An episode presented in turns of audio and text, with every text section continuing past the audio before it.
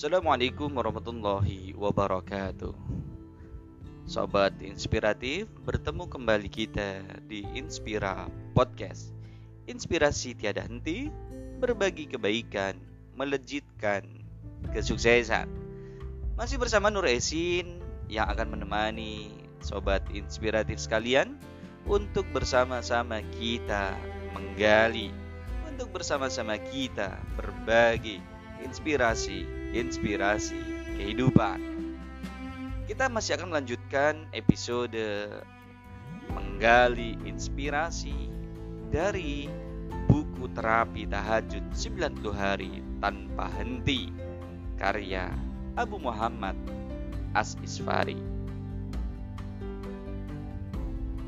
Mahar bidadari dari tahajudnya Abu Sulaiman Ad-Darani. Nama asli Abu Sulaiman Ad-Darani adalah Abdurrahman bin Atiyah. Sedangkan Ad-Darani berasal dari kota Daran, yakni nama sebuah tempat di kota Damaskus, Syria. Beliau meninggal pada tahun 215 Hijriah. Beliau pernah berkata dalam munajatnya kepada Allah sebagai berikut. Wahai Tuhanku, jika engkau menuntutku karena dosa-dosaku, maka aku akan mencarimu karena ampunanmu. Sebab ampunanmu jauh lebih luas daripada dosaku. Wahai Tuhanku, jika engkau menuntutku karena kekikiranku, maka aku akan mencarimu karena kemurahanmu. Wahai Tuhanku, jika engkau melemparkan aku ke dalam neraka, maka aku akan memberitahukan kepada penduduk neraka bahwa aku mencintaimu, ya Tuhanku.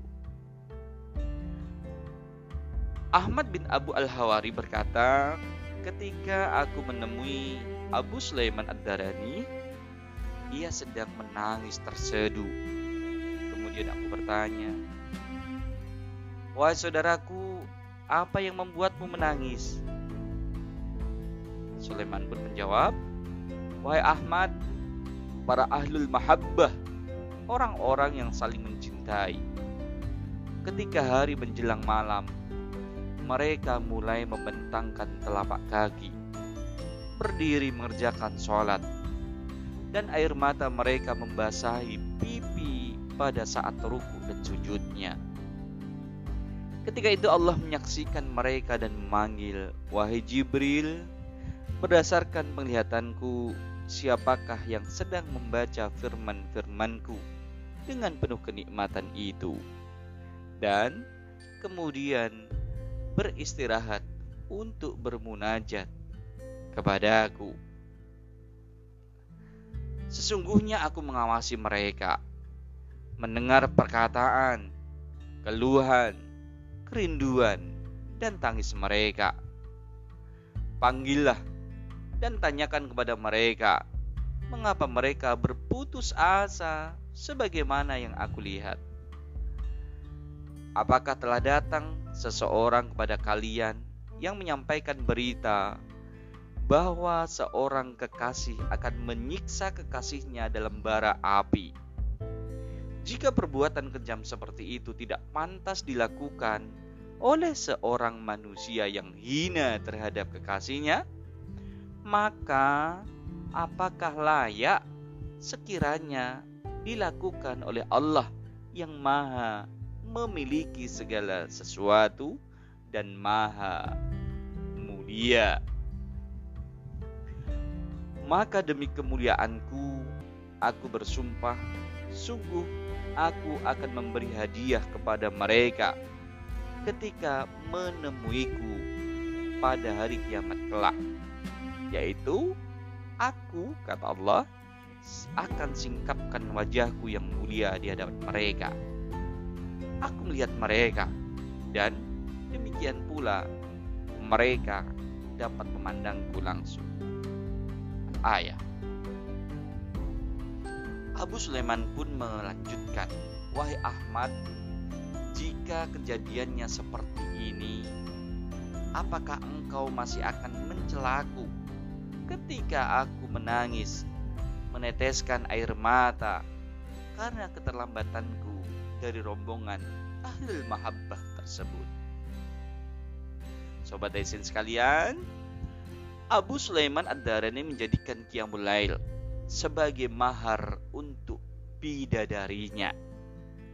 Acap kali ia mendapatkan kenikmatan luar biasa tatkala berkhalwat dengan Allah Subhanahu wa taala.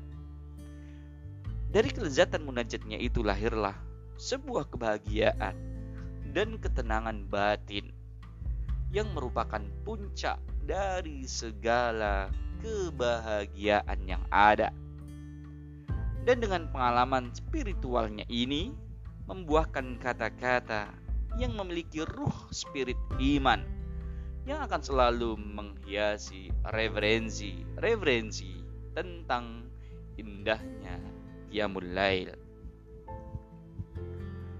Abu Sulaiman Ad-Darani berkata, Sungguh kenikmatan yang dirasakan orang-orang yang bermunajat di kegelapan malam jauh lebih lezat daripada kesenangan yang didapatkan oleh orang yang suka bercanda dan berhura-hura. Hingga pada suatu malam, Abu Sulaiman Ad-Darani bertemu dengan makhluk yang diimpikannya, yaitu bidadari yang bermata jeli.